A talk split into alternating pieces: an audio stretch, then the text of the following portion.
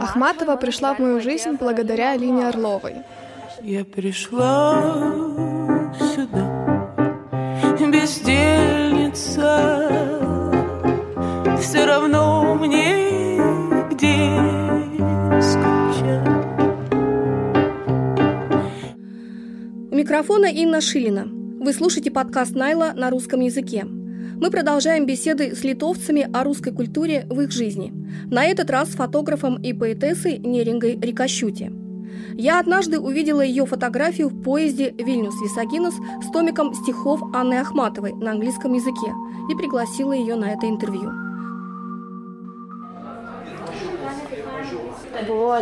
Я была на ее концерте в костеле Святой Екатерине.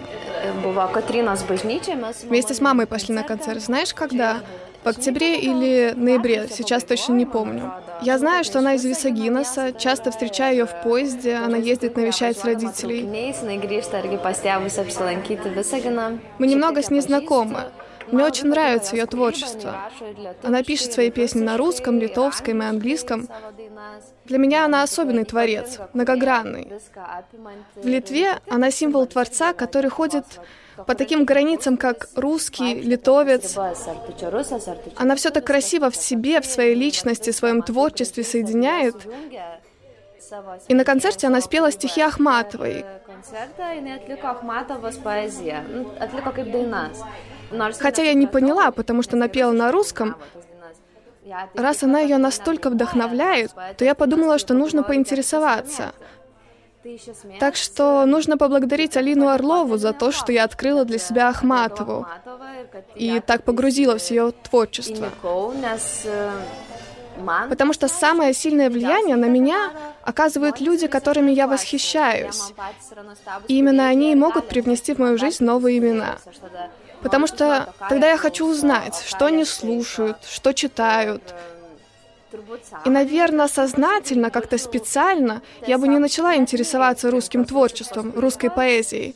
Не потому, что я как-то плохо об этом думаю, о русской культуре, точно нет. Но потому что я не умею читать по-русски. Но тогда я нашла книгу Ахматовой на английском языке. Ее поэзию я читаю на английском, не на русском. Нашла те спетые стихотворения? О чем они тебе говорят? Ой, обо всем. Для меня она такой прекрасный творец, такая глубокая, смелая для того времени, такая открытая, нагая, открыто говорит о своих чувствах, так себя анализирует и препарирует даже себя, кажется, без обезболивающего. Когда читаю ее поэзию, чувствую, что она такая откровенная сама с собой, не боится признать той боли, которая есть во всех нас. И вот эта человечность мне, может, немного напоминает Сильвию Плат. Наносы всех моих вчера гниют в пустой коробке черепной, а если сокращается желудок, то из-за явлений объяснимых, как то беременность или запор, не вспоминаю я тебя. Сильвия Плат, 18 апреля из ранних стихов до 1954 года. Ахматову я открыла как творца, не как русскую или литовку, или англичанку, или японку. Для меня она женщина-творец, которая говорит с моей душой. Тем более, я читала ее поэзию на английском, поэтому образ России как-то отодвинулся. Конечно, под э, каждой поэмой написан город и год, где и когда было написано. Какие-то исторические события. Осада Сталинграда, например. Тогда, может, и понимаю, что она представитель русской культуры. Но ее темы общечеловеческие, что для меня нет никакой разницы. Она с тобой говорит только на каком-то личном уровне или на политическом языке тоже? Больше на культурном уровне. Я не увидела в ее поэзии ничего такого, что совпало бы с сегодняшними реалиями. С точки зрения политики, может, то, что она была яркой феминисткой. Я так прочитала ее поэзию. Есть у нее одна поэма, в которой она спрашивает, могла бы Беатрича Данте так же говорить? Так же откровенно, чтобы ее все слушали. Или мог бы кто-то так писать? Такая короткая поэма, я найду, потом тебе пришлю. Речь идет об известной эпиграмме Анны Ахматовой 1958 года.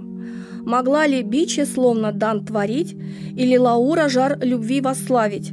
Я научила женщин говорить, но, боже, как их замолчать заставить?» Она о себе пишет, что она голос женской поэзии. Она сама понимает, что она особенная, как женщина-поэт.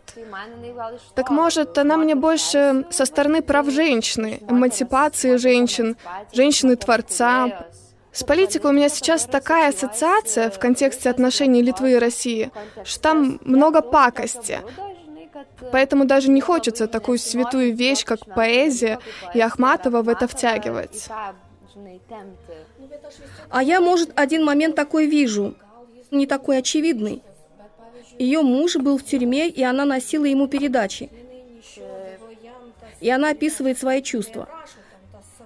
И был тот проект «Пока горит красный», и там один из героев уже в наши дни сидит в тюрьме как политический, и ему носят передачи. И не одному вообще-то там несколько таких героев в том проекте. Один на Кипре, другой в Москве и прочие хотя бы на 15 суток.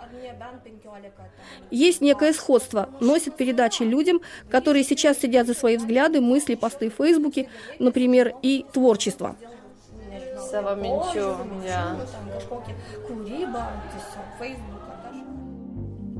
В страшные годы Ежовщины я провела 17 месяцев в тюремных очередях в Ленинграде. Как-то раз кто-то опознал меня – Тогда стоящая за мной женщина, которая, конечно, никогда не слыхала моего имени, очнулась от свойственного нам всем оцепенения и спросила меня на ухо. Там все говорили шепотом. «А это вы можете описать?» И я сказала «Могу».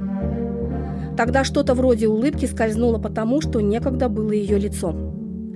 Из автобиографической поэмы «Реквием». Репрессиям были подвергнуты трое близких ей людей. Первый муж, Николай Гумилев, был уже после их развода расстрелян в 1921 году. Третий муж, Николай Пунин, трижды подвергался аресту и погиб в лагере в 1953 году. Единственный сын, Лев Гумилев, провел в заключении в 1930-40-х и в 1940-50-х годах более 10 лет. Pasakyti. Я tada irgi galvoju, ого. Ты сказала, я тоже подумала, ого, но сама бы так не увидела. Даже не знаю. Ну да, ты права, есть такое время в России. Допустим, когда я была в Грузии, я познакомилась с одним журналистом из «Медузы». Он теперь живет в Тбилиси.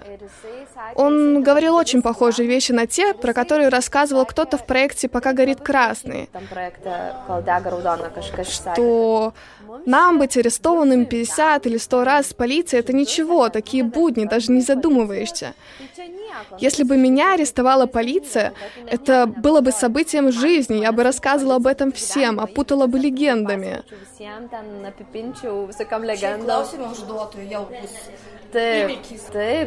А там кажется, что это так естественно и нормально, что полиция — это не те люди, которые тебе помогают, а которые могут быть настроены против тебя и сделать тебе очень много плохого. И ты должен их бояться, а не ожидать помощи. В Грузии тот парень мне и говорил, что его арестовали, когда он хотел лететь из России куда-то. Тогда он и решил, что нужно бежать из страны, потому что не разрешили ему лететь, допрашивали 4 часа. И он даже смеялся над каким-то своим другом, который, прилетев на Запад, устроил драму из-за того, что ФСБ его допросили. И они как-то смирились с этим. Это такая игра для них. И молодые люди соглашаются с правилами этой игры. Но я не понимаю Россию, не понимаю ее умом, не понимаю этих молодых людей. Она мне кажется такой алогичной. А ты там была? Нет, не путешествовала по России. Но из того, что вижу, что читаю, мне, например, очень нравится Звягинцев, режиссер. В его «Левитане» тоже о женщинах маленького городка в России. И там мужчина впутывается в историю, и, и потом все против него оборачивается. И местные, и мафия там vietiniai ir мафия. А мне этот фильм показался некой попсой, только попсой той запрещенной правды о России. Ага. Думаю, он был сделан для простого жителя Запада. Обычный житель Запада, который не знает тех внутренних дел в России, не понимая так хорошо той абсурдности, бюрократического сумасшествия, что не можешь никому доверять, как все перемешалось, те банды, кланы. С этой стороны, мне кажется, хорошо, что такие фильмы есть. Но ты, может, права, говоря, что он был, как говорится, over the top, местами перестарались. По какому-то жанру, азбуке все эти характеры Кажется, что он по Достоевскому хочет эти женские характеры показать, но как-то очень схематично и упрощенно. Вот э, насчет женского портрета у Звягинцева я согласна. Мне не очень не нравится. Он кажется такой немного сексист, и он точно показывает все с мужской точки зрения. Один из главных тезисов, который я хотела тебе сегодня сказать, тот, что мне читать Ахматову сейчас изумительно хорошо, потому что есть дистанция во времени между нами. Но все, что сегодня создается в России, приходит оттуда, на это я смотрю немного недоверчиво. С осторожностью, скорее, не недоверчиво. Потому что я же не знаю, воздействовали ли на него, не повлияли ли. Воздействовала ли на этого Творца система? И очень сложно отделить, кто есть кто. Кто против путинского режима, а кто сотрудничает с ним. Все-таки проще с той литературой, музыкой или культурой, с которыми уже есть временная дистанция. Как-то происходит общая диссоциация на уровне общества, психологическая травма. Но не на уровне индивида, а на уровне общества. И тогда ты так отталкиваешь это. Это так жестоко, то, что случилось с той нацией, что они сами сделали другим, что с ними случилось. Они же потеряли больше всего людей во Второй мировой войне. Даже сложно представить, что там происходило. Поражает, что когда произошла Чернобыльская трагедия, что им об этом не сообщили. Много людей умерли просто в огромных мучениях или отравились потому, что им никто не сообщил. И они все равно и дальше восхваляют ту идеологию такой абсолютный диссонанс. Светлана Алексеевич подняла это. Но там же ее тоже не печатают. Она собрала всю ту документальную информацию. Я, например, читаю ее книгу «Войны не женское лицо» и «Чернобыльская молитва». Она говорила языком тех людей, я не понимаю, как еще могут быть люди, ветераны, которые это все пережили и видели, что с ними сделала эта система, как они могут и дальше ее восхвалять. Но война вообще очень страшная, античеловеческое состояние, которое пробуждает в людях страшнейшие вещи. И очень сложно сейчас понять, живя столько лет в мире, что и в тебе может проснуться какое-то зло.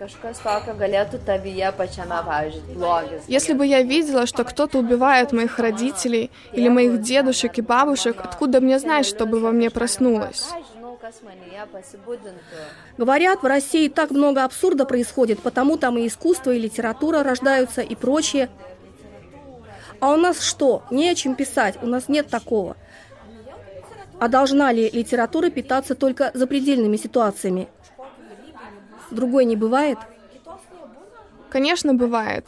Сколько прекрасной литературы появляется. Но что такое это пограничное состояние? Для американца это одна ситуация.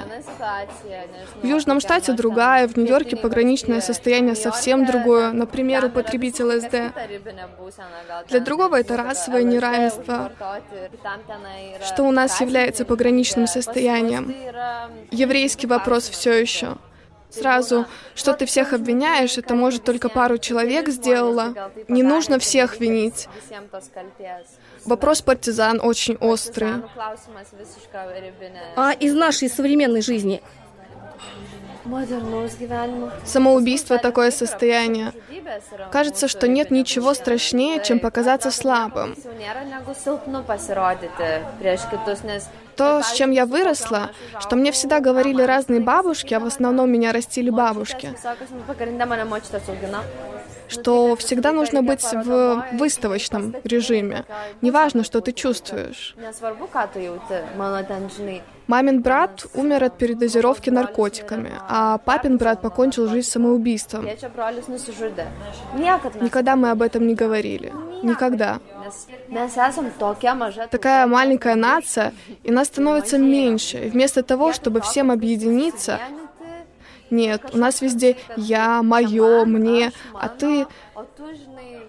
Ну, давай вернемся к Ахматовой. Ты в жизни встречала ее лирических героинь?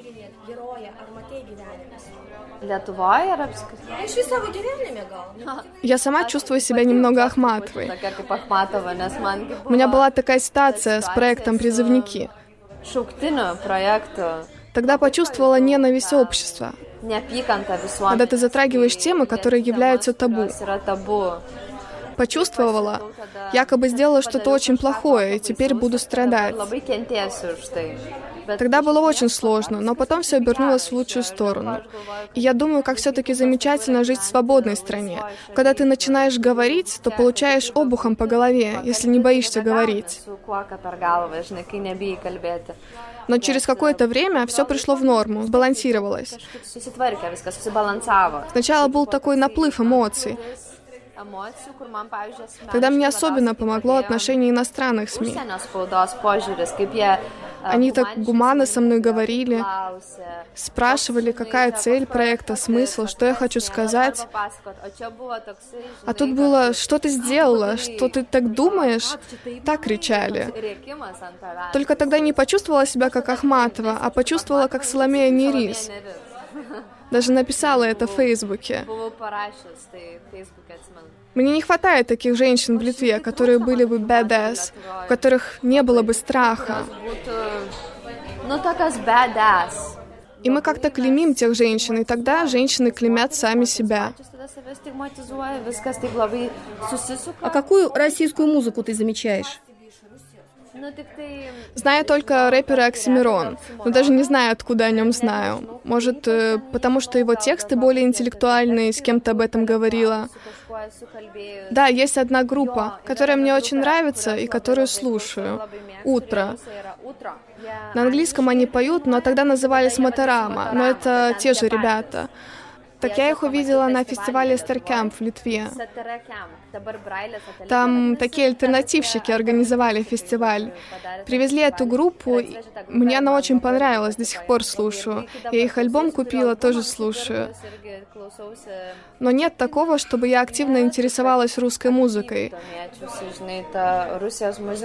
Хорошо, что на том фестивале открыла для себя эту группу, но я открыла для себя их не как русских, а как группу, которая мне нравится. Но чаще всего русская музыка с политическим оттенком. Если это какое-то противостояние путинскому режиму, то тогда заинтересовываешься и думаешь, о, нужно посмотреть, кто такие, послушать. Интересно. Nes Хочется, чтобы нравилось что-то не потому, что это анти. Как много в твоей жизни русских русского? В Бесогеносе меня окружают русские молодые люди, которые мне очень нравятся. Они слушают «Медузу», разные подкасты. Мне кажется, они делают микс Запада и России. Очень классные. И не оттуда очень что-то принимают, и не оттуда. Умные очень. В Висагиносе я встретилась с прекрасными людьми. Одни русские, другие украинцы, кто-то еще откуда-то, белорусы. Но я не оцениваю их по национальности, а потому, какие они люди. Иногда я чувствовала подстрекательство наших СМИ. Я чувствовала, они сами начинают из-за этого отдаляться, потому что им неприятно, потому что особенно они, они ничего не сделали. Некоторые из них, может, и совершили какую ошибку, как э, скауты Висагиноса, которые попали в немилость Департамента госбезопасности. Но я знакома с этими людьми, они очень классные, очень хорошие, они говорят по-литовски, все с ними отлично. И это такое искусственное подстрекательство. И тогда думаешь, Я организовала выставку, звала всех приехать в Висагинос. И приехали люди, и, о чудо, мол, и здесь люди тоже живут. Конечно, живут, но телевидение, влияние СМИ такое большое, такое зомбирование людей —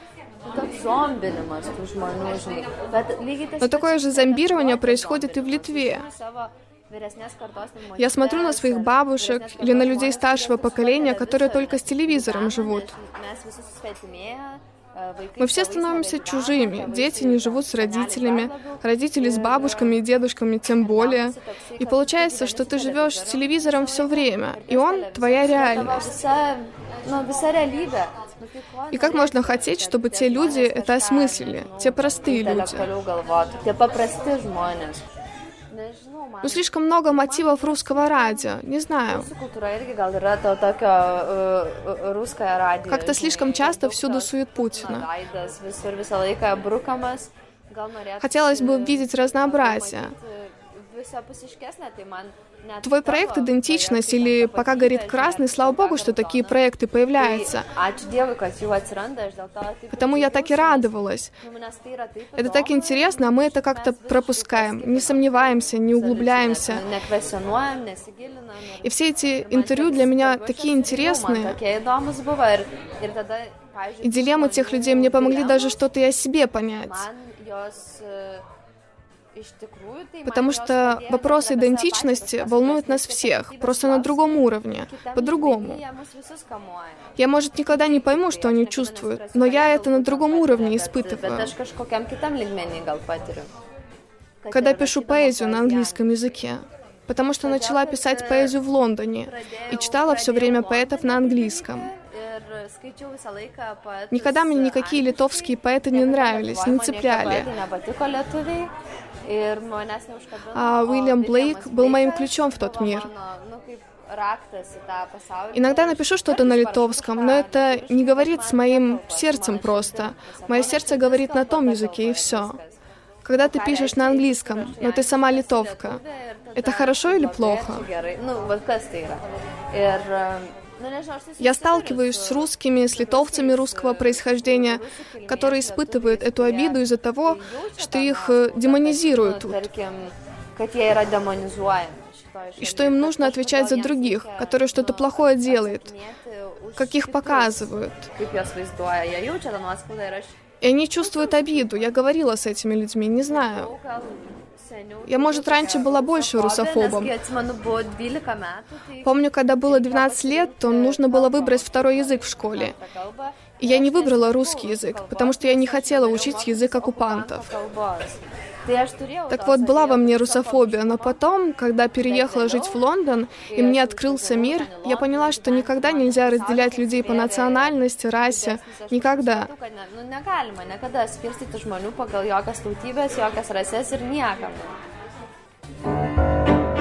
Замечаю все, как новое, влажно пахнут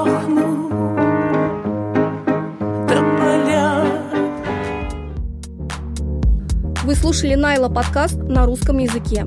Патронировать создание новых эпизодов Найла вы можете по адресу patreon.com на нук мультимедиа.